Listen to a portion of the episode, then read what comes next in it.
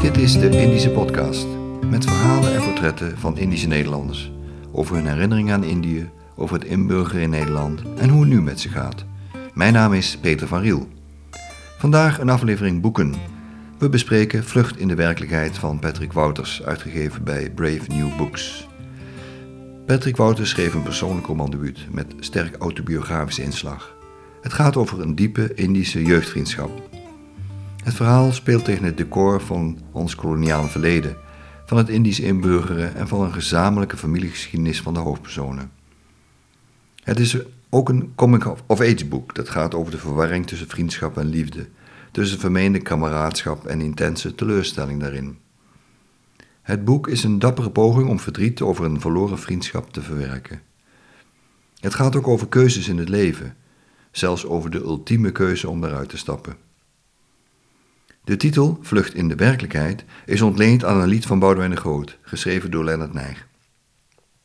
Recentelijk werd Boudewijn de Groot met zijn dochter geportretteerd in een serie over intergenerationeel trauma.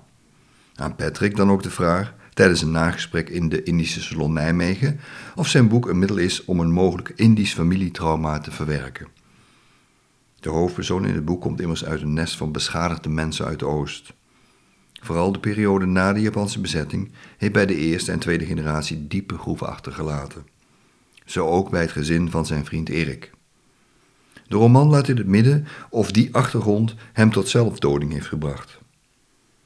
Maar Wouters geeft aan dat er wel degelijk sporen uit dat Indische verleden zijn aan te wijzen die Eriks levensgang negatief hebben beïnvloed. Hij wijst op de nalatenschap van dozen vol knipsels, foto's en tekeningen en zijn obsessieve speurtocht in de archieven naar wat zich in Indië heeft afgespeeld. De schrijver is met dat laatste gegeven, zelfdoding, alweer aan de slag gegaan in een tweede boek dat gaat over verlies en rouw. Het is een vervolg op Vlucht in de werkelijkheid. Patrick Wouters, inmiddels de 60 gepasseerd, werkt als communicatieadviseur bij de overheid en begeeft zich, zoals hij zelf aangeeft, geregeld in Indische kringen. Hij kent dus ongetwijfeld de ruime hoeveelheid titels die verschijnen over het thema dat hij met dit boek aanraakt. Of zijn 132 pagina's stellende boekje daarin een eigen plek zal veroveren, is de vraag. Het bevat zeker aspecten die een aanvulling zijn op het bestaande genre. Ontluikende homoseksualiteit, de link met de andere kolonie, gedachten aan zelfdoding. Maar het bevat toch ook veel platitudes, Indische clichés. De keuze voor het gebruik van verschillende lettertypes had ik anders gemaakt. Het is soms wat onrustig lezen.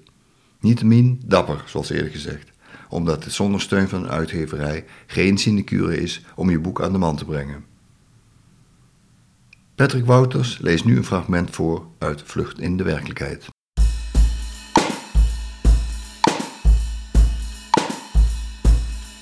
Kende Erik nog uit de tijd van mijn eerste krantenwijk. Later werkten we in dezelfde toko. We waren 15 jaar toen we begonnen met ons eerste zomervakantiebaantje. Vakken vullen, bedienen in het restaurant en aan de afhaalcounter. We mochten eten wat we wilden.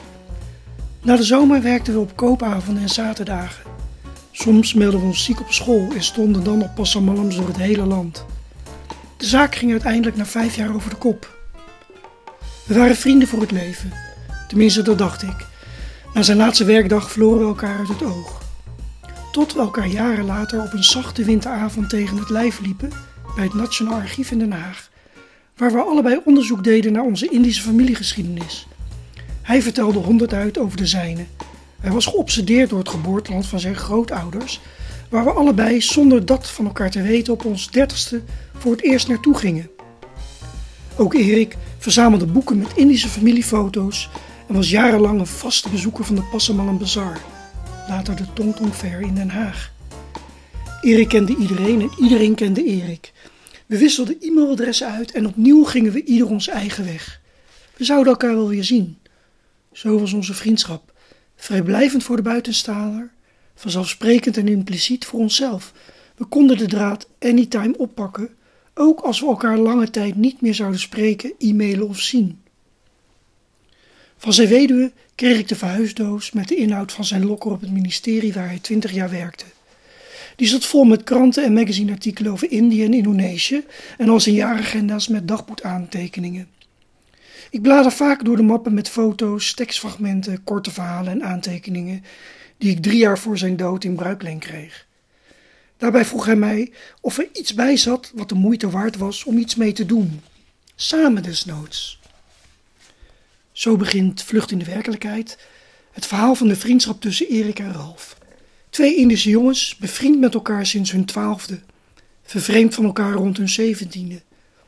Weldra verliezen ze elkaar volledig uit het oog als Erik verhuist. Dertien jaar later vindt een onverwachte en ontroerende ontmoeting plaats.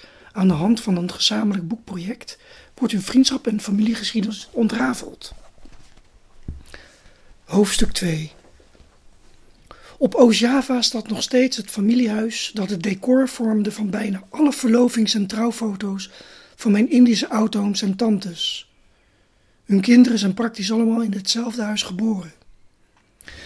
Tijdens mijn eerste roetsreis naar Indonesië in de jaren 90 vond ik het woonhuis terug, onherkenbaar verbouwd en uitgebreid. De Chinese bewoner wilde niet dat ik er rondneusde of ook maar in de buurt van zijn erf kwam. Hij verwees me naar het vierde grote huis in de straat. Daar, daar woonde vroeger Blanda's. Het karakteristieke langgerekte Indische huis met witgekookte muren, kleine oprijlaan met witte kiezelstenen, grote bloempotten, open voorgalerij, vloer met roodbruine tegels, broodoven, bijgebouwen en achtererf, zo groot als een voetbalveld beweerde mijn moeder, staat nog steeds in Indonesië. Alleen weet niemand nog wat is bijgebouwd of gesloopt. Niemand weet nog wie daar vroeger woonde.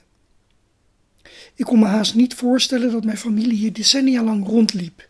De hitte, de drukte, de mensen die voortdurend iets van me wilden. Ik herkende het land in eerste instantie niet als het land van mijn ouders. Toch moest zelfs ik toegeven dat sporen uit het verleden nog zichtbaar waren, voelbaar. Op reis met de herinneringen van een ander. Op zak met een handvol foto's van vroeger. De watertoren, de oude lagere school, de passar, de jacht. Jaren later zag ik via Google Street View dat ik toen al degelijk gelijk had. Het huis met het langgerekte dak, met rode dakpannen, is duidelijk te zien vanuit de lucht, gelegen naast de kampong, waar de achtergebleven Indo's nog steeds in vrij armoedige omstandigheden wonen. Dit was de Indische Podcast. Productie Stichting Pelita. Presentatie Peter van Riel. Meer weten? Ga naar www.pelita.nl